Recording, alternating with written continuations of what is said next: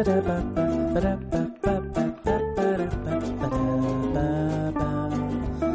med oss, det var det med Gud Podcasten med Hans och Viktor Gå med oss, vadde med Gud Välkommen hit Vademecum eller Gå med oss är en podd för att sprida glädje och hopp i vardagen. Så gå med oss, Vademecum med Hans och Viktor.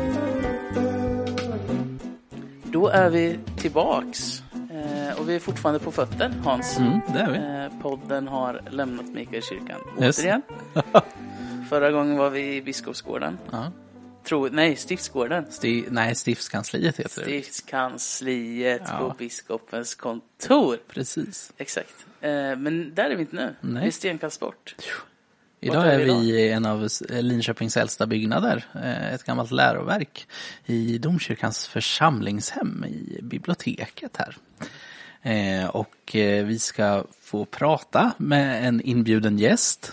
Eh, Och eh, idag är det ju en särskild dag då vi ska prata med med denna gäst. Vi ska prata kärlek på alla hjärtans dag idag. Precis. Och vem är vår inbjudna gäst? Jag tänker att vi ska välkomna honom. Ja. Eh, men tillgjord applåd. Nej, inte tillgjord. Men vi välkomnar eh, Mattias. Tack. Välkommen till podden. Tack. Jättekul att vara här och vara här på alla hjärtans dag. Jag har redan blivit erbjudet ett vaniljhjärta. Så det känns som att man, man är på gång här. Och vi har käkat bananer, jag och Hans. Och druckit kaffe. Det är det vi har gjort. Eh, vill du berätta lite vem eh, du är och vad du gör? Ja, jag heter Mattias och jag kommer fylla 50 år i, i år och jag är domprost. Och har varit det ett år här, ganska exakt. Och eh, som domprost så, så är man, man är chef för de nio församlingar som bildar ett pastorat. Och eh, det är ett väldigt spännande jobb. För det är väldigt mycket att man möter människor. Det handlar ibland om, om många olika möten på olika sätt. Så att det, det är ett väldigt roligt att vara här. Man möter människor, man möter olika församlingar, eh, olika företag. Och Linköping har jag faktiskt en relation till för jag bodde här för drygt 25 år sedan men då pluggade jag på universitetet här och sen har jag hållit mig härifrån och sen så kom jag hit igen så det känns som att vara hemma. Du jobbar ändå med så här stora, stora siffror liksom. 25 år och nu fyller du 50. Och... Ja. Jo, men man kan ju dela in livet på lite olika sätt. Jag har, jag har väl flyttat en hel del. Frågan är var jag kommer ifrån brukar jag säga Kalmar, för det är där jag är uppvuxen. Det är liksom mina rottrådar går dit. Men jag, jag är född i Falköping i Västergötland, men vi flyttade därifrån ganska tidigt. Så jag har bott på flera olika håll. Jag tänkte inte bli präst från början, så jag läste en helt annan universitetsutbildning. Jag läste till att bli personalvetare. Men sen, sen så in, insåg jag att det var nog inte det jag skulle göra. Och sen började jag läsa teologi just här i Linköping och fortsatte i Uppsala. Och nu är du tillbaks Nu är jag tillbaka igen här. som domprost Ja, tänk. i Linköpings domkyrkopastorat. Ja. Vi har ju lite yngre lyssnare och jag tänker vi kan väl passa på att upplysa. För du, jag menar, du är chef för de här eh, nio, över de församlingsherdar eh, som eh, mer lokalt leder församlingarna i Linköping. Eh, men sen har ju du eh, en, eh, en anknytning till stiftet också som domprost. Hur fungerar den rollen? Jo, men det stämmer ju. Att jag, jag sitter med i domkapitlet som är kan man säga kyrkans organ där olika lärofrågor och olika frågor eh, tas upp. När det är saker, det kan bli tvister och det kan saker som händer, då kan det tas upp i, i domkapitlet. Jag sitter också med i stiftsstyrelsen som är styrelsen så att säga för stiftet. Och så sitter jag med i ett antal olika organ och har olika uppdrag i stiftet. Och, och, eh, så det är också väldigt spännande för då, då, då det är över hela stiftet. Då är man inte bara i Linköping utan också får, får arbeta över hela stiftet. Hur stort är stiftet för eh, de lyssnare som kanske har glömt bort från förra avsnittet? Hur stort är vårt stift, Mattias? Ja, nu, nu kan det vara runt, runt 450 000 Ja. personer som, som, eh, som befinner sig och det, det är ju allt ifrån ner från Småland och sen upp, liksom, upp här vid, vid Finspång och Norrköping och så gränsen går ut mot, mot kusten.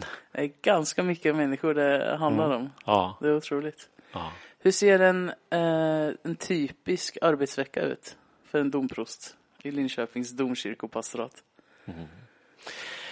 Ja, och det är väl det som också är tjusningen med arbetet, att veckorna ser ganska olika ut. Mm. Eh, det är ganska mycket olika möten.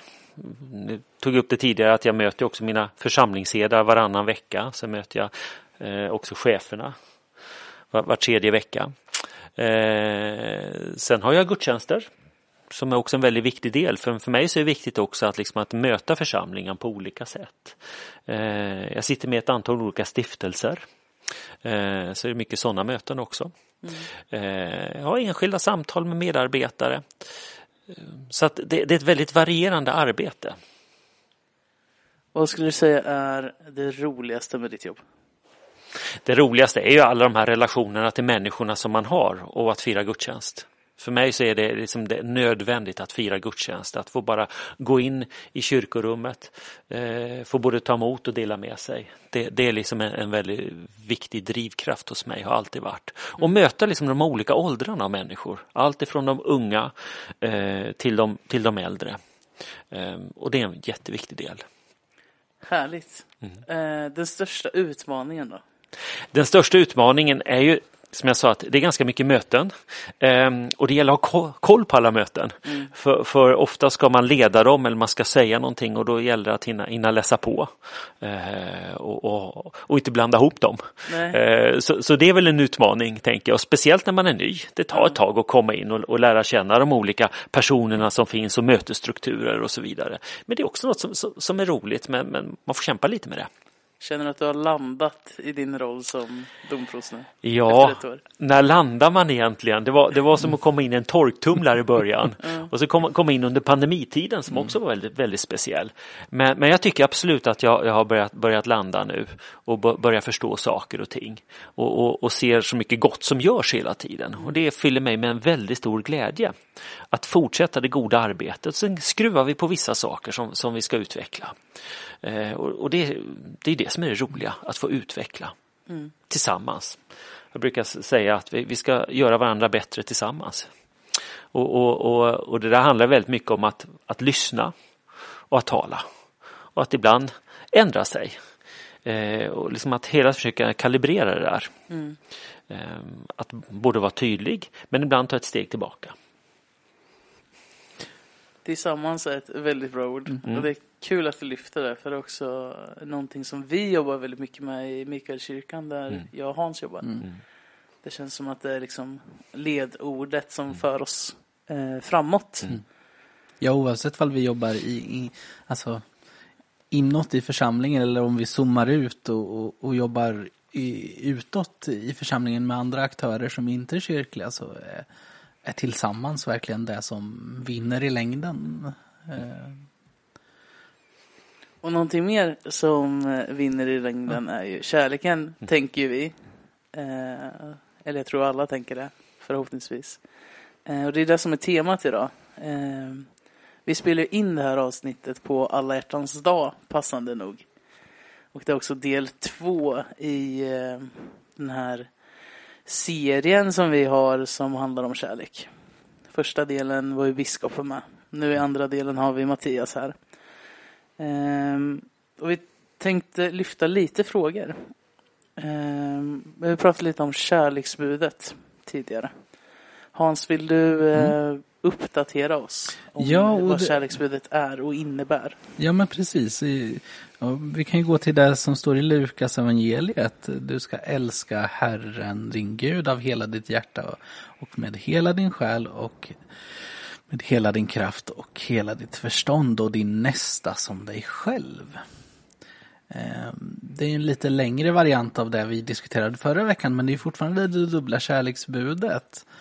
Ehm, och vi tänker, vi har en fråga som kan få vara liksom portalen till detta. Hur ser du Mattias på, på det dubbla kärleksbudet? Mm.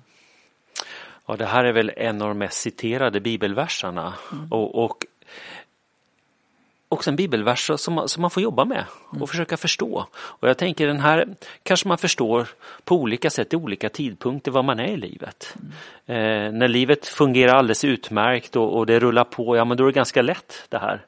Andra gånger när det kraschar eller det, det står helt still, då blir det på ett annat sätt. Så att jag tänker det här dubbla kärleksbudet är alltid aktuellt utifrån den tid man befinner sig i. Eh, och det här att, att eh, både älska sin nästa och älska sig själv. Eh, det är inte alltid så lätt. Det är någonting som vi får öva oss på genom hela livet. Eh, och jag tänker ibland lite kring att som människa så kanske vi har tre grundrelationer som handlar om att, att eh, relationen till Gud, till min medmänniska och till mig själv. Och där tänker jag det har någonting att göra med det här kärleksburet också. Mm. Att, att älska Gud som är skapelsens mål och mening som alltid finns där. Mm. Och den här podden heter ju Vademekum. Mm. Och det var jag tvungen att slå upp så jag liksom var lite koll för att det var ett latinskt ord det betyder ja. gå med mig. Ja. Och jag tänker just den där relationen att, att Gud går alltid med mig. Mm. Både när jag känner det och när jag inte känner det.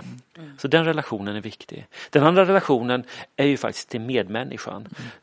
Och då tänker jag ibland på det här med, med kärleken som båda, både att, att ge och ta emot. I frälsarkransen som ni kanske, jag vet inte om ni har berört den tidigare, mm. men, men det är ett antal pärlor som beskriver livet och där olika böner är kopplade.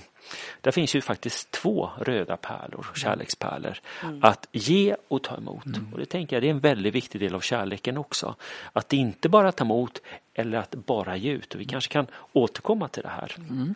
Också för det tänker jag är en viktig del.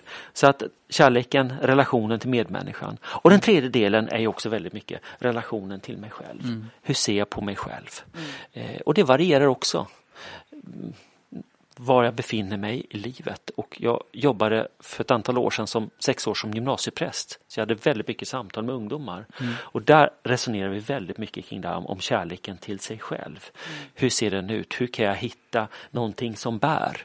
Oavsett vad andra säger till mig, oavsett vad jag kan tycka i olika stunder. Mm. Vad är det på något sätt? Vad är det för kärlek? Ja, och det, det, är intressant att du kommer in på det här Mattias, för vi, vi vill ju problematisera kärleksbudet lite. Och vi tänker just på det här eh, som en fråga vidare att, att hur, hur blir det med kärleksbudet om man inte kan älska sig själv? Mm. Alltså hur ska vi göra då? Eh, eller kanske till och med ännu värre, när vi förvägras kärlek. Jag tänker, vi har en, en samtid idag med många olika typer av kärleksyttringar där vissa kristna säger att Eh, något är okej okay och något är inte okej. Okay. Eh, och där, där då vissa av våra systrar och bröder i tron förvägrar andra människor mm. kärlek. Eh, är det något som du har märkt av någonting? Absolut, absolut har jag gjort det. Och, och för mig så, så, är det viktigt på något sätt att, att man, man kan inte kräva kärlek. Mm. Ett kärlek handlar alltid om ett jag och ett du mm. på något sätt. Men, men samtidigt ibland att, att när man inte älskar sig själv så tror jag det är viktigt ofta att försöka sätta orden på vad är det här för någonting? Mm. Att inte alltid bära det eh, själv. Och ibland tänker vi att ungdomarna har de här frågorna men jag har mött också många äldre mm. eh, som har burit ett helt liv på det här, att inte vara älskade. Mm. Och, och vad gör det med mig då? Eh, en ung människa har chansen, tänker jag, mm. eh, eh, att göra någonting åt det. Men, men, men, jag har mött människor på dödsbäddar som mm. har tagit upp det här. Att jag, jag har aldrig varit älskad, jag har alltid känt mig utanför, jag har aldrig mm. kunnat älska någon och inte älskat mig själv. Och nu ska jag inte leva längre. Eh, så att jag tror att vi behöver tala om det här och ge uttryck för det och, och inte låta det vara tabubelagt. Nej. Men jag tänker också att livet, det vet vi att det skiftar ju hela tiden och det är så lätt att man drar slutsatser om att så här kommer det alltid mm. vara. Men vi vet ju att det, det, det, förändras och där tänker jag hoppet är väldigt viktigt. Mm. Hoppet som inte är bara en optimism eller något mm. käckt eh, mening att det blir bättre utan liksom ett hopp som bär. Mm. Och för mig så är det faktiskt Jesu död och uppståndelse. Mm. Det är det hoppet som bär oavsett hur jag känner mig, oavsett hur jag mår. Så vet jag, vademekum, det är någon som går med mig mm. hela tiden. Gud finns där. Mm. Och det, det, är för mig liksom det, det djupaste hoppet. Det kan mm. ingen ta ifrån mig. Oavsett om jag älskar mig själv eller inte. Jag tänker att det är väl likadant med Guds kärlek för oss människor. Mm. Att oavsett eh, om vi inte känner att vi älskar det så är Guds kärlek alltid för oss. Mm. och finns där för oss. Även fast vi själva inte ser det alltid. Och där tänker jag också på något sätt att jag tror Martin lyfte det i förra avsnittet. Att vi, eh, vi som personer får bära kärleksbudskapet vidare till varandra. Ehm, och att det är därigenom också som Guds kärlek blir eh, mer konkret kanske. I handlingen till varandra. Och, och det här också faktiskt att, att, att göra någonting gott för någon annan. Eh, Vårt pastorat har ju visionen för att världen ska leva. Och då tänker jag lite så här, ja vad behöver vi göra för att världen ska leva? Eh, vad gör, behöver vi göra både medvetet och omedvetet? Vilka handlingar är det? Eh, och, och väldigt mycket handlar om det, att se varandra, att uppmuntra varandra, att ta emot kärlek. Eh, tänk, det talar vi lite lite om ibland. Faktiskt att kunna ta emot kärlek. Ibland kanske vi är lite blyga eller inte vi vill liksom det här. Eh, Men, att kunna ta emot kärlek men också att ge kärleken. Det är som, en- som en pendelrörelse som måste finnas där. Det är som den här pendelklockan. Om inte den rör sig fram och tillbaka då, då blir det fel. Och så är det med kärleken också. Att ge och ta emot. Vissa människor ger, ger, ger så man blir helt tom. Andra tar emot hela tiden och det skapar till slut bara en tomhet om man inte ger. Så det här inflödet och utflödet. Och det tänker jag, det behöver vi fundera på. Hur ser mitt inflöde ut? Hur ser mitt utflöde ut? Och när jag kommer in i kyrkorummet för mig så, så, så hjälper det mig på något sätt. Jag kan tända ett ljus, jag kan gå fram till altartavlan och, och titta på den och den ger mig nya tankar. Eh, jag kan möta människor. Alltså kyrkan på något sätt, kyrkorummet hjälper mig i den här, de här pendelslagen på något sätt fram och tillbaka. Så det, det är en hjälp för mig. Vi kommer ju faktiskt gå in lite på just kyrkorummet eh, och kyrkans roll i, i, i samhället kanske och kyrkans roll kopplat till kärleken. Eh, jag tänker först att vi ska lyfta ett litet ämne som vi pratade om i tidigare avsnitt. Och du var också lite inne på det nu Mattias om att eh, ge och ge kärlek eller ta emot och ta emot kärlek. Vi tog upp ett exempel förra podden där vi hade ett samtal veckan innan vi spelade in det här med en, en person som pratade om det dubbla kärleksbudet och eventuellt eh, ändra formuleringen på det. För han kände att eh, för mig är det lättare att ge någon kärlek. Att älska en annan som, eller älska mig själv så som jag älskar andra. Ja, det blev nyckeln för honom för att göra kärleksbudet liksom till en realitet i hans liv. Liksom. Och det tycker jag är liksom, det är, för vissa kanske är det en subtil ändring och vrida perspektiv och för andra är det jättedramatiskt. Liksom. Men, men jag, jag tänker det talar väl om att det, ibland behöver vi vända på perspektivet också. För att, för att förstå helheten liksom. Och, jag tänker väldigt mycket kring den där blicken, den där kärleksfulla blicken som alltid finns på mig oavsett när jag lyckas och inte lyckas. Eh, och det är för mig oerhört viktigt att den blicken alltid finns där. Eh, Guds blick och jag tänker också när Jesus mötte människor så var det med en kärleksblick. Eh, det innebar ibland att han tillrättavisade människor men den där kärleksblicken fanns där och det fanns en, en, en tanke med det och det tänker jag det, det är så viktigt att, att veta att den blicken finns där och det är inget som jag kan skapa. Eh, och det oavsett vad jag hamnar i för olika situationer, att allt tas ifrån mig så finns den där blicken där ändå. Eh, och det gör också att jag, jag kan älska. Eh, både ta emot eh, och ge. Mm. Som den blicken. Det finns ett sånt fint citat där i, jag tror det är första Johannesbrevet, att det inte är vi som älskat Gud först utan Gud har älskat oss först. Det vill säga att det inte är min prestation. För kärlek, när det börjar bli prestation och jag ska göra saker, då blir det något som blir felvänt. Kärleken tänker jag, det, det är ett livsvillkor som hela tiden finns, finns där. Ibland så blir den starkare, ibland är den svagare, men den finns där hela tiden. Jag tänker att vi ska kasta in en liten jingel och sen eh, gå in lite mer på kyrkans roll kanske i, i den här frågan. Eh, och också gå tillbaks till kyrkorummet eh, och en väldigt speciell bild. Eh, men det tar vi efter gingen. En liten kort paus.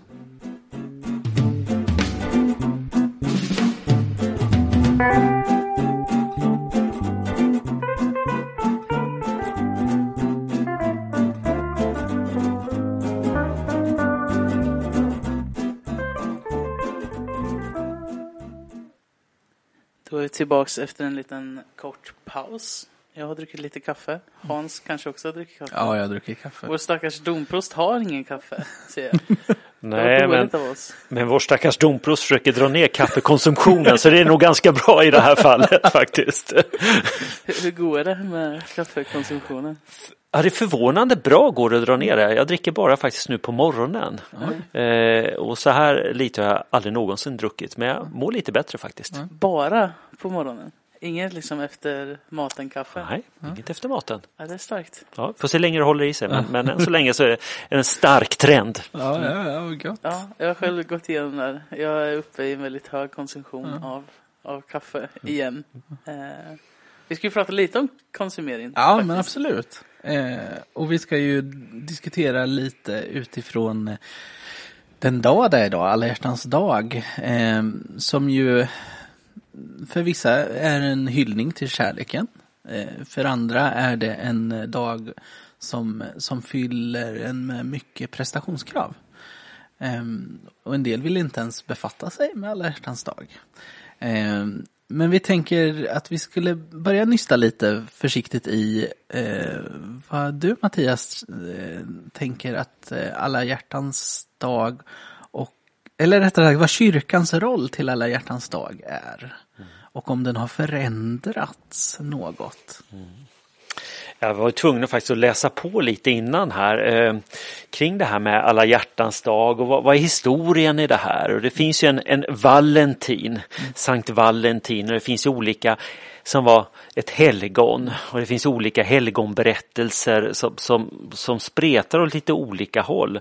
Men redan faktiskt på 1400-talet vet vi att man tar upp det här med, med Valentin och man skickar kort till den, den som man älskar. Men eh, Valentin fanns ju på 200-talet och eh, på något sätt sen har det anknutits på olika sätt till det här helgonet. Och eh, kopplingen till, till Svenska kyrkan har väl inte varit helt klockren. Den har inte varit så stark. Ehm, det var väl på 60-talet som, som det här med, med att man började göra saker, att det utvecklades. Och sen har det utvecklats mer och mer. På 80-talet då började man, då kom det in i våra kalendrar och på 90-talet började man ge varandra rosor på skolorna och så vidare. Och, och chokladhjärtan och så. Ehm, så det är en viktig dag för handeln. Eh, och idag vet jag att vi har också drop-in vigslar här i Sankt Lars. Man, man, eh, och vi har en, en an- annonskampanj som handlar om det här att vara ett hjärta för någon. Och för mig så är det viktigt liksom att alla hjärtans dag, att det handlar inte bara om eh, att köpa saker. Det här med prestation som du var inne på Hans, för en del så är den här dagen ganska jobbig. Ja.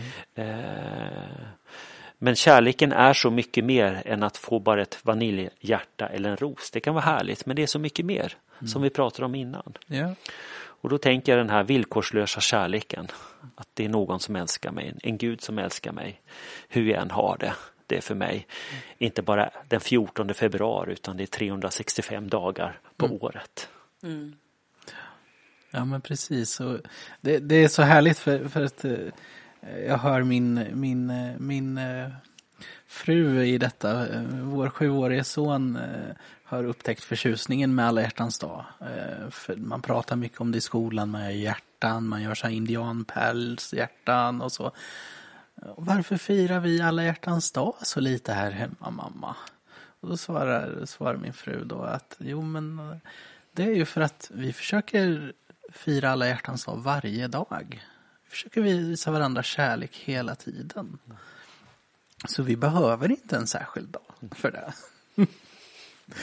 eh, och jag, jag blev alldeles varm när jag, när jag hörde min fru förklara detta liksom, för vår son. Eh, och jag tänker att det är ett, också ett perspektiv i diskussionen om alla hjärtans dag. Liksom.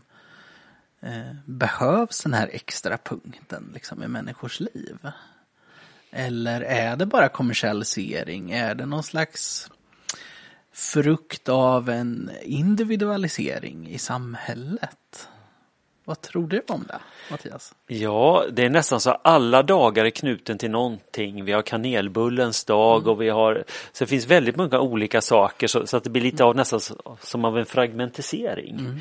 Mm. Eh, och det kan väl Kanske finns en pedagogik i det där som att det påminner oss olika dagar, påminner oss om olika saker. Men blir det allt för uppstyckat så är risken att vi, som, vi tappar helheten. Vad va, va, vad står det här för? Och det här att, att, att, att leva som människa. Ehm, kan dagarna hjälpa oss att, att få syn på det viktiga så tycker jag är jättebra. Eh, men skymmer det det viktiga, då är det mindre bra. Och, och, och jag tänker det här att, att, att bara köpa saker, den här kommersialiseringen, den ser jag som ett bekymmer. Eh, för det handlar ju inte om hur många rosor jag får eller hur många vaniljhjärtan jag lyckas sätta i mig den här dagen beroende på att jag skulle känna mig mer eller mindre älskad. Det är ju andra saker. Och det, det, ehm, sen sen så, så finns det gott i det här också självklart. Men, men ehm, det finns en risk att vi styckar upp allt lite för mycket tror jag. Jag, Jag kommer ihåg eh, en specifik alla hjärtans dag på tvåan i gymnasiet. Eh, det var jättehärligt så här i, i själva skolan för då hade vi en, en vägg där man kunde så här klistra upp ja, men typ kärleksförklaringar. Liksom, så här, ja, men du är fantastisk och du är älskad precis för den du är. Och du är otrolig människa, jag ser upp till dig och så vidare. Och så vidare. Eh, och sen ju längre dagen kom desto närmare kom man till kvällen. Och på kvällen så skulle folk ut på dejter till höger och vänster och de skulle träffa någon. Och, och, och det slutade med att jag och tre av mina närmaste eh, vänner insåg att shit, vi, vi har ingen som vi ska träffa ikväll liksom. Efter skolan. Och det blev så påtagligt. Och jag var så här, nej men vi gör det bästa av situationen. Vad gör vi? Så vi tre vandrade bort till McDonalds i stan. Köpte typ ja, men två rätters, liksom så här, meny och sen typ en glass till efterrätt. Och så satt vi där och firade alla hjärtans dag tillsammans. Eh, och jag minns det fortfarande, så här, det är nio år sedan. Eh, men vi försökte göra det bästa av situationen och det lyckades liksom. Men, men jag tror att, som du säger, det, det är lätt att, att hamna i, i den här ensamheten och känna nej. Idag är inte min dag. Och det blir ju så fel. Jag, jag tänker vi, jag- vi skulle ha ställt en fråga, men jag har tänkt om. Eh, det är om alla hjärtans dag inte längre behov av kyrkan. Men efter lite där du sa Mattias om att kopplingen har inte varit helt självklar så skulle jag vilja eh, formulera om frågan eh, till alltså Behöver kyrkan aktualisera sin roll med kärleksbudskapet under alla hjärtans dag? Till exempel så som man gör i Sankt Lars med drop-in vigslar. För att på något sätt vara en motvikt kanske? Ja, och jag, tror- jag tror att kyrkan hela tiden behöver göra det här. Att tala om kärleken, att bredda eh, talet om kärleken och att, att, att vi människor också får fundera. Vad betyder det för mig i den här situationen?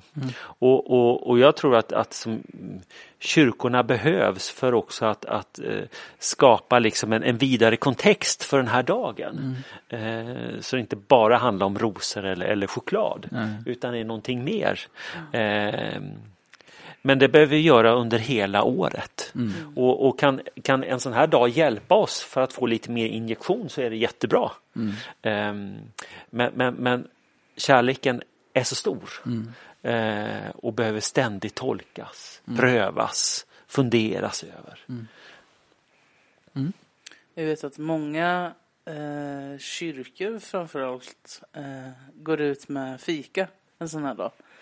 Ställer sig i sin eh, lokala centrum till exempel med ja, vaniljhjärtan kan det vara. Det kan vara kanelbullar, kaffe, kaka och möjlighet till samtal och bli sedd. Eh, och jag tänker det, det är viktigt att vi, vi gör de sakerna Mm. som kyrka. Eh, För de som kanske känner att den här dagen är otroligt jobbig. Jag vaknade själv i morse och kände att nej, inte alla hjärtans dag. Det är så svårt för den här dagen. För att det blir så fokus på en tvåsamhet. Eh, när vi vet att vi lever i ett ganska eh, drabbat samhälle med mycket ensam hem. Eh, och där tänker jag kyrkan har en viktig roll, precis som du säger. Mm. Jag vet ju till exempel eh, en av församlingarna, det är säkert flera, men jag hörde här på, på fikarasten att till exempel Berga församling, de går ut där i centrum och delar ut vaniljhjärtan. Och du var inne på det här att bli sedd som jag tänker är så otroligt viktigt. Men också att se andra. Om någon ska bli sedd så måste någon se. Och det tänker jag, det är vårt uppdrag, varje människas uppdrag, att se andra. Och det där kan man också fundera, hur gör vi det? Jag tänker att den här dagen skulle vara en utmärkt dag, att vi skulle ringa till någon som vi inte brukar ringa till. Det är ju faktiskt att, att se någon annan. Ehm, eh, och göra någonting.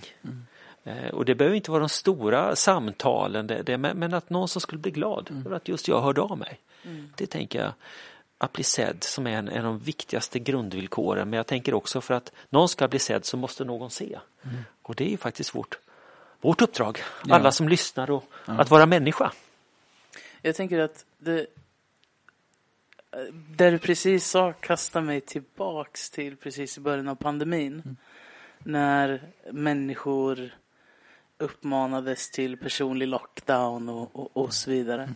Och jag minns så väl på ett av våra medarbetarsamlingar som vi hade.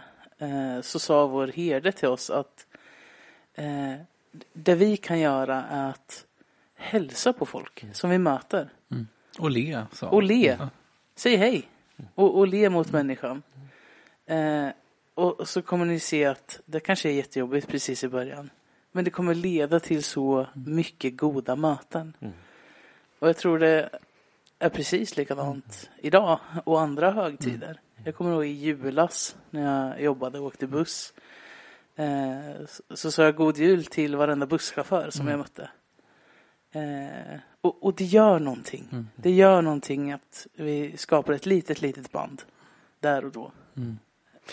Det där är intressant för ett minne som, som kommer till mig precis att när jag jobbade som gymnasiepräst i Nyköping för ett antal år sedan så var jag ofta inbjuden till klasser. Jag hade undervisning och så hade jag en naturklass, en trea som precis skulle ta studenten och jag skulle träffa dem och, och, och uppdraget var lite liksom framtidsplaner och hur man tänker. Och vi satt där ute utanför skolan för då var det ju vår och vackert och fint. Och så kom samtalet in på faktiskt vem är det som har stött mig under de här åren och hjälpt mig under de här åren. Så det blev ett annat typ av samtal. Jag kommer ihåg det samtalet blev så viktigt för många. En del blev jätteledsa och tänkte på dem som faktiskt inte hade fått någon stöttning i den här klassen, där ingen hade brytt sig. Sen fanns det de som där har funnits någon som hade brytt sig. Men det blev så viktigt det där att också få, syn på vem har stöttat mig, vem har varit med mig i livet och vem, vem har inte varit med mig. Liksom att, att få upp ögonen för också lite när vi tittar tillbaka. Eh, för det kan fylla mig både med tacksamhet och med sorg som kan också hjälpa mig. Hur vill jag vara? Mot, mot mina barn eller mina vänner? Är jag en person som vill stötta eller, eller som, som, som stänger ner? Och det där samtalet när vi satt där i gröngräset, det, liksom, det har jag med mig. Eh, Men det där är fantastiskt för det, då kommer vi in på någon bild. Jag vet inte om det var förra samtalet vi hade eller om det är en annan bild. Eh, men att vi måste se kärlekens fler dimensioner än bara parrelationen. Och liksom kärleken mellan man och kvinna eller man och man och kvinna och kvinna eller vad det är liksom. Och att där tänker jag att det är ju en kärlekshandling eh, att ha fått stöd. Att ha fått tagit emot en kärlek genom stöd. Jag tänker kärlekshandlingen från en vän som vågar säga ifrån när man är ute på hal is. Eh, det finns ju mängder av olika dimensioner liksom, av kärleken som inte just är den här ska man säga, sexuella kärleken, eh, par, parrelaterade kärleken utan utan på något sätt egentligen är större och har mer, mer bäring i livet för ens, hur man formas. Eh, det, jag tycker det är Ja, det, det, det är fantastiskt. Att kärleken är stor, det, det vet vi ju genom Bibeln och läsa att Gud är kärlek. Liksom. Men, Men det, slår ner i en också att kärleken är stor. Det, det är en fantastisk insikt tycker jag. Och jag tänker när jag jobbar mycket med ungdomar tidigare så brukar jag ibland ställa en fråga till dem. Vem, vem har betytt mycket för dig? Vem, vem har varit med dig? Mm. Eh, och ibland har det varit ungdomar som har haft det ganska kämpigt i livet. Mm. Och det har varit tyst ett bra tag när jag ställt den frågan. Mm. Och vi kanske har träffats flera gånger in, innan det börjar stavas på något slags svar. Mm. Men, men, men, rätt ofta var det att det kom en, en, en mormor eller en farmor eller en kompis, väns, pappa pappa eller mm. mamma. Och, och det här är liksom att hur vi kan vara ett hjärta för någon fast det inte är den nära familjen. Det kan vara mm. lite längre bort. Mm. Men vad viktigt är att vi hela tiden liksom utökar det här. Vilka är det vi bryr oss om? Mm. Och det behöver inte vara de jätteinsatserna men att just att bli sedd. Mm. Och det där tror jag vi behöver tala om hela tiden. Mm. Eh, hur hjälper vi varandra att se varandra och inte bara de som alltid är närmast? Mm. Vad har vi för vårt ansvar? För om inte vi ser, vem gör det då? Ja, Gud ser oss ständigt. Men vi har ju ett uppdrag i det här. Och där, där tänker jag, jag brukar ta mig själv som exempel där. För att när jag var yngre, eh, innan konfirmandåldern egentligen, så var jag världens mest blyga människa. Jag kunde liksom inte... Jag brukar eh, jämföra mig själv som, eller så här, beskriva mig själv som socialt inkompetent när jag var liten. Eh, och nu är jag den mest sociala varelsen som vandrar på denna jord, tänker jag ibland. Och mina vänner brukar beskriva mig som det också. Mm. Eh, men där var kyrkan enormt viktig för mig. För helt plötsligt så skapades ett rum som såg mig. Mm. Så mina gåvor och faktiskt vågade ta de här samtalen. Mm. Eh, att oavsett eh, hur social eller icke-social jag var. Så var jag sedd och älskad. Mm. Eh, för jag alltid liksom, när jag var liten så hade jag alltid problem med att ja, men jag hade någon inre ångest liksom. Om att livet är lite jobbigt. Och, och sam, samvaro med människor är lite jobbigt. Men kyrkan blev ett rum där där jag helt plötsligt såg en annan dimension av samvaro med andra, eh, kärlek till varandra. Mm. Eh, och att på något sätt vara det goda. Och, och, och, där tänker jag fortfarande är den viktigaste rollen som kyrkan har. Mm. Det är där vi är bäst på. Mm. Att möta människor precis där de befinner sig. Eh, vi vet inte alltid vart de befinner sig. Men på något sätt har vi skapat en, en kultur i, i vår kyrka där människor kan komma precis som de är. Mm. Eh, de inte behöver dölja någonting. Nej. Och när du pratar om det här så tänker jag att eh, jag vill kolla med dig Viktor. Är det dags att gå in i kyrkan nu bildligt? Precis vad jag tänkte. eh, vi ska lite mentalt gå in i i domkyrkan tänker jag mer specifikt.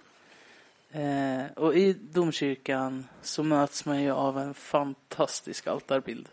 Mm. Eh, Mattias, du kan få eh, berätta lite om den om du vill. Mm. Ja, det är ju Henrik Sörensens eh, altarbild som, som kom till i mitten på, på 1930-talet. Eh, dessförinnan så fanns det en annan altarbild där. Och det var, det var ju mycket diskussion kring den här eh, altarbilden. Dels att det föreställer en, en, en, en, en vit man som, som, som på något sätt sträcker fram sina händer eh, och, och det här idealet kanske på 20 och 30-talet, det här rena eh, nordiska. Eh, och alltid har man ju liksom genom historien målat in Jesus i den tid man lever i. Eh, under medeltiden så hade Jesus sådana här snabelskor på sig. Eh, för det var det man hade på medeltiden. Eh, uppe i Jukkasjärvi kyrka och så vidare, då blir nästan Jesus som en same. Så att det är någonting som, som hela tiden har funnits med. Eh, jag har alltid tyckt väldigt mycket om den här altartavlan. För den, den handlar om att på något sätt när Jesus sträcker fram sina händer och kommer mig till mötes. Och oavsett var jag befinner mig i den här kyrkan så ser jag de här händerna som sträcks emot mig. Um, och den ger mig, den ger mig hoppet att Jesus kommer mig varje dag till mötes. Och ovanför, um, lite framför men uppe i, i, i valven så hänger den korsfästne Jesus, triumfkrucifixet. Och jag tycker det är så fint att kunna se båda de här bilderna. Jesus som ger sitt liv för hela mänskligheten, som går från död till liv och som kommer mig till mötes. Det är liksom som att vandra genom sitt liv när man går in där i domkyrkan. Eh, så, så att jag, jag, jag fylls med väldigt stor både glädje och, och en frid när jag ser altartavlan. Sen har jag full respekt för att man kan tolka den på väldigt många olika sätt. Och det skulle man göra med vilken altartavla vi än hade haft där. Men jag tänker att det är intressant att, eh, att Jesus går oss till möte. För att när man går närmare, man kanske inte riktigt ser det på nära håll. Eller på långt håll, men på nära håll så ser man att det ser ut som Jesus verkligen går ut på altaret. Eh, alltså med fötterna och möter oss. Och det är för mig en, en stark bild. Eh, väldigt stark bild. Eh, att det är, och också en bekräftelse på att det inte att vi blir troende, det är inte bara vår egen bedrift utan det är Gud som söker oss. Eh, det är den viktigaste komponenten i tron. Ehm, I alla fall för mig så är det så. Eh, men jag tänker göra en hastig koppling till det här med den tid det, det, tavlan målades i 30-talet. har, du, har du hunnit fördjupa dig i var Söresen hittade utseendet till, till Jesus? Nej, det har jag väl inte helt gjort. Jag har läst på lite ja. kring det, men det vet du, du ja. nog mer om Hans. Ja, jag har ju varit guide i domkyrkan. Då tycker jag du ska ta den bollen. så, men, men, men, jag hade en, en, en eh, lärare då som, eh, han lever inte längre nu. Um, Bertil Bridfäll hette han och han var fantastisk i att lära upp oss guider. Um, han berättade att eh, Jesus utseende har ingenting med strömningar om nazism och ariskhet och så vidare. Bara för att klä av den, den eh, liksom biten. För Sörensen han kom ju från Sverige, han flyttade till Norge och har blivit känd som norrman. Eh, men han var också, eh, han var också ingen medlöpare till Eh, till den regimen som, som eh, fanns i Norge då med Quisling och allting. Utan han var ingen aktiv motståndare heller, men, men, han var definitivt ingen medlöpare. Men utseendet på Jesus hade han jätteproblem med under, under väldigt lång tid. Fram tills han satt på, eh, jag tror det var Stadshotellet i Mjölby. Eh, och då fick han se Jesus ansikte på barpianisten.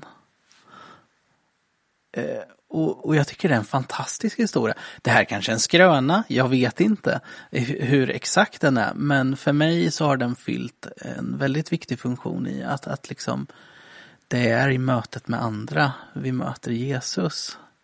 Ehm, det påminner om Paul Tillichs eh, ord, att liksom ta varje möte på allvar med din medmänniska. För det är i medmänniskan du kan möta Jesus. Um, och det tycker jag är, det, det är helt fantastiskt.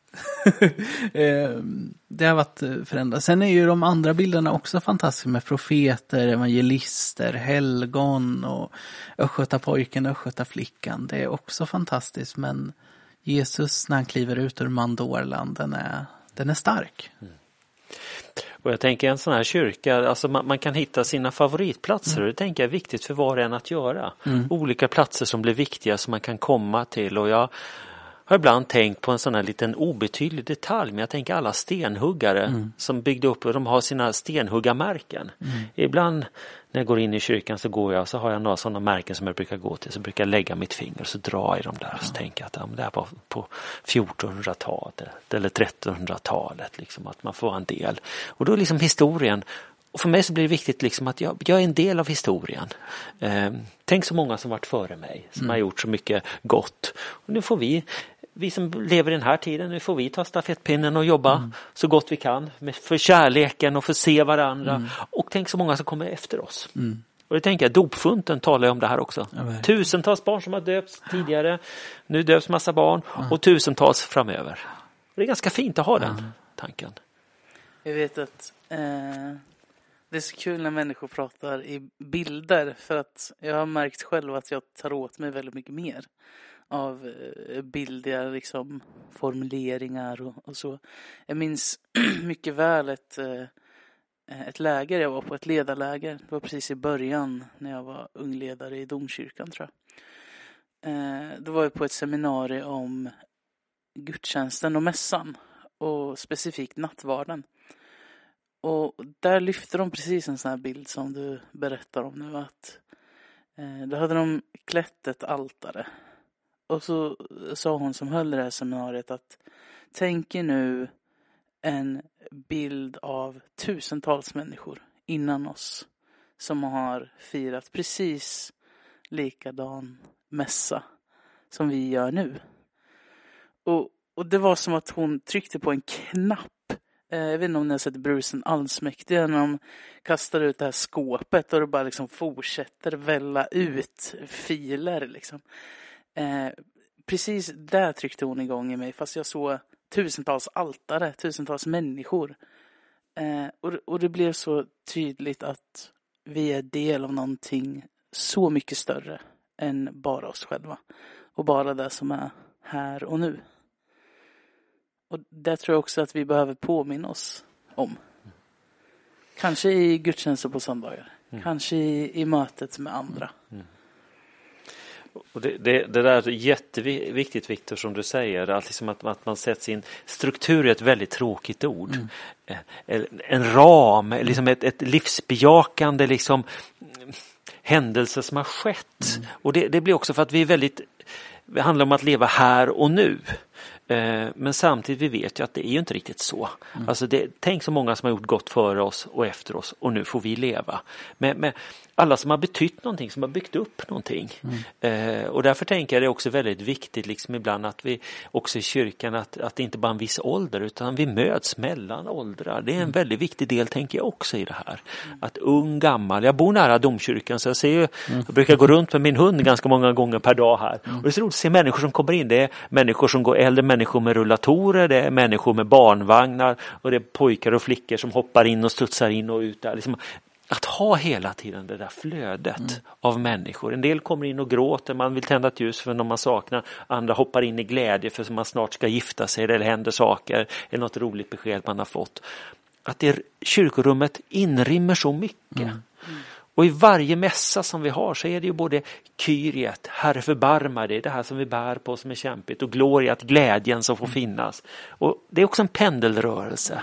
Att det här rummet inrymmer människors drö- drömmar, eh, glädje men också sorger och det som inte blev som blev. Och då blir det också viktigt det här. Och ändå kommer Jesus oss till mötes mitt där vi är. Det är fantastiskt. Det Det är, är otroligt. Jag, jag tänker att vi ska faktiskt börja avrunda lite. Men jag tänker att vi först ska på något sätt sammanfatta eller på något sätt knyta ihop den här säcken. Eh, I att var och en av oss får ge ett, ett litet tips av hur vi kan sprida kärleken vidare. I, i, i den lättaste form liksom. För oss. Det, det finns inga rätta svar i det här tänker jag. Men någonting som är viktigt för, för oss som sitter i det här rummet just nu. Jag kan börja. Jag tänker li, lite som eh, Martin pratade om i förra avsnittet. Att eh, Jag tror han nämnde om en av de största liksom, glädjen som finns bland människor. Är när någon säger att maten är klar. Eh, och för mig har alltid mat varit någonting som samlar människor. Eh, så jag tänker eh, efter nyår så hade vi en liten eh, en middag, jag och mina vänner. Jag trodde det bara skulle vara typ fyra stycken som skulle käka. Men jag visste att det skulle komma några till. Till slut satt vi där, sju, åtta personer eh, runt ett middagsbord eh, och käkade tillsammans. Och bara delade liksom livet. Eh, och, och där tror jag att vi människor ibland faktiskt gör det lite väl komplicerat för oss själva. Att det ska liksom ske i tiotusentals rosor och vi ska åka på någon jättestor kärlekssemester till Paris och käka baguetter under Eiffeltornet. Och det är också jättefint men jag tror att det, det stora kan också ske i, i det lilla. Mm. Jag tänker på eh, filmen eh, och uttrycket eh, pay it forward. Att liksom inte låta den kärlek jag får stanna hos mig själv utan ge den vidare. Eh, och det kan vara genom att eh, hjälpa någon förvirrad person att hitta rätt på stan. Jag vet inte hur ni känner för det men jag, jag känner mig, alltså minst tre, fyra gånger i veckan så frågar folk mig på stan om, om hur man hittar till saker. Och det tänker jag att ja men det är ett sätt att ge kärlek, hjälpa människor att hitta rätt. Och det går ihop också med prästyrket. Det gäller att hitta, hjälpa människor att hitta rätt någonstans. Liksom. Ehm, sen vad det rätta är, det är ju en helt annan fråga. Liksom. Men det tänker jag, att, att liksom låta Guds nåd inte bara stanna hos mig själv. Och inte hålla på nåden, liksom, utan ge den vidare. Ge kärleken vidare. Mm. Ni säger så mycket kloka saker här. Jag tänker lite på det här att för mig själv också. Att, att bli bättre på att se all den kärlek som ges. Eh, för ibland så är det som att, det- att, att det inte är tillräckligt. Men tänk så mycket kärlek som ges. Tänk så mycket många föräldrar som bryr sig om sina barn. Och, och många av de äldre som ber för sina barnbarn eller barnvakt. Och tänk så mycket gott och fantastiskt kärleksfulla handlingar som görs hela tiden. Att kunna se det. Mm. Um, ofta handlar det om att vi ska göra mer och mer och mer. Men tänk på det som redan ges. Och det, jag tänker, vi lever i, i Guds värld. Eh, allt det här, tänker jag, det, det är en del av Guds värld. Så att, att kunna se allt det som ges. Och som du var inne också på Hans, liksom att, att låta det här flödet också både komma in och, och komma ut. Eh, biskopen lyfte ju någonting när vi pratade om dubbla kärleksbudet. Mm. Eh, och, och lyfte också eh, kärleken till skapelsen. Att det egentligen blir ett trippla kärleksbud. Att både älska sig själv, sin nästa och skapelsen. Jag, kan, jag tror det kan vara viktigt att, att bära med sig. För det gör också att vi lyfter perspektivet ännu mer. Mm. Jag tänker att vi ska kasta in en liten jingel och sen avsluta med eh, vårt återkommande segment. Eh, hiss och miss. Mm, precis. Eh, ja. Jingel.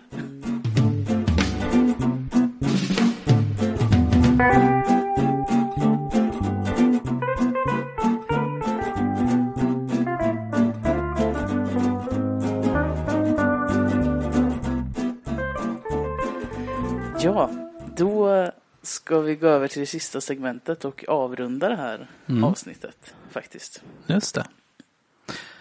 Och det är ju hiss och miss vi ska Precis. ta upp. Ska jag inleda Viktor? Du kan få inleda Ja. Hans. ja, men absolut. Eh, och jag har en hiss. Eh, den kanske är jättebanal. Men jag har försökt att digitalisera mig själv eh, med kalender. Men jag misslyckas kapitalt med det. Eh, så därför vill jag hissa att ha vanlig hedlig kalender. Det får mig att få lugn i tillvaron, eh, att eh, hålla ordning på möten. Och jag vet att Viktor fick lida ganska mycket av mina dubbelbokningar jag gjorde när jag hade digital kalender. Det, det var liksom flera gånger i veckan och jag beundrar Viktors tålamod över att kunna ställa om att liksom, ja men vi tar det en timme senare eller vi tar det nästa vecka istället. Liksom. Eh, så en hiss till Viktor och eh, min kalender, min fysiska kalender. Sen har jag en miss och det är att jag har bil. Ehm, och jag vill missa alla, alla reparationer man får göra med bil. Jag tycker det är jättejobbigt.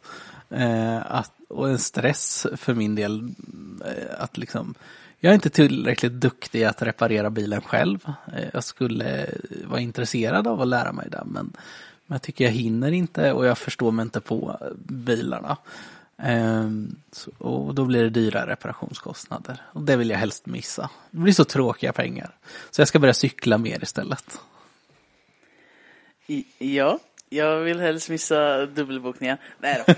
eh, tack Hans Ja. eh, för hissen av mitt tålamod. Det Ja. känns bra.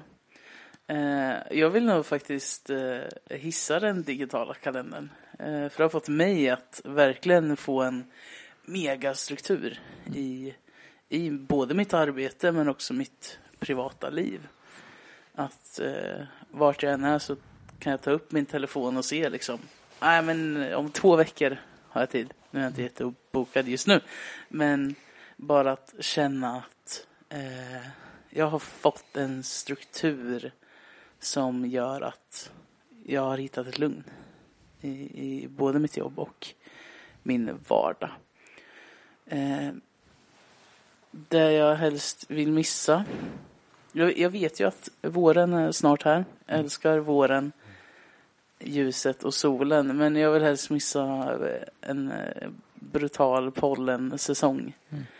Eh, den sänker mig ganska hårt eh, varje år. Så jag ska väl börja käka sådana där pollentabletter redan nu.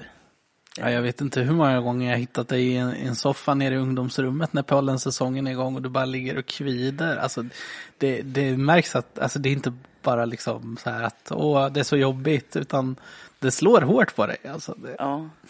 Sen har ju vi en arbetsplats där de klipper gräset ibland utanför. Då slår det rejält. Då vet man, ja hopp. Ställer vi in alla möten med Viktor. Eh, ja, så det, det är mina hissar och eh, missar. Mattias. Ja, jag tänker Mist då, vår lilla hund har blivit dålig och varit ganska dålig nu ett lite längre tag här och det skulle jag gärna ha missat. Så vi får se om vi, om vi, om vi får ordning på det eller inte. Så att det är väl någonting som, som gör en ganska bedrövad. Hissa, jag skulle vilja hissa, vi har pandemin, vi börjar ju gå mot slutet hoppas vi här, men jag tänker, alltså tänk vad så många har gjort stora ansträngningar för varandra. Under pandemin har vi talat väldigt mycket om det som inte har fungerat och så vidare, men tänk på allt som har fungerat, vilken omställning vi har gjort. Det tycker jag har fått alldeles för lite utrymme. Och, och ibland hur vi håller på liksom och klagar på varandra och vänder och vrider på allt som kunde gjorts på ett annat sätt. Men tänk så mycket bra som har skett. Hur man har ställt upp för varandra och ställt om. Det tycker jag, det vill jag hissa. Fantastisk Wow, hiss, tycker härligt. jag. Ja. Jag tänker direkt på min pappa som blev inkallad på pandemiavdelning i början av mars. När jag fyllde 25. Såg inte han på ett halvår. Eh, mm. Och med de orden ska vi faktiskt avsluta det här eh, samtalet Mm. och det här avsnittet. Men vi får väl säga ett stort tack till dig Mattias för att du har varit Jättetack. med oss. Varit med och knutit ihop säcken kring kärleken liksom i den här serien. Precis. Och nästa gång tror jag vi kommer gå in på skapelse eh, teologi lite. Lite grann, eh, men eh, vi får se vad det blir av det. För vi ska eventuellt träffa en av våra lokala aktörer som finns i Just Ryd. Som jobbar med ungdomar och med social närvaro och, tillhör ett gäng som kallas för Fältarna. Precis. Men mer av det i nästa avsnitt. Mm. Eh, så vi hoppas att ni är med oss även då. Ja. Eh, och som vanligt, gå med oss. Vademeko, Podcasten med Hans och Viktor. Ha det bra allihopa.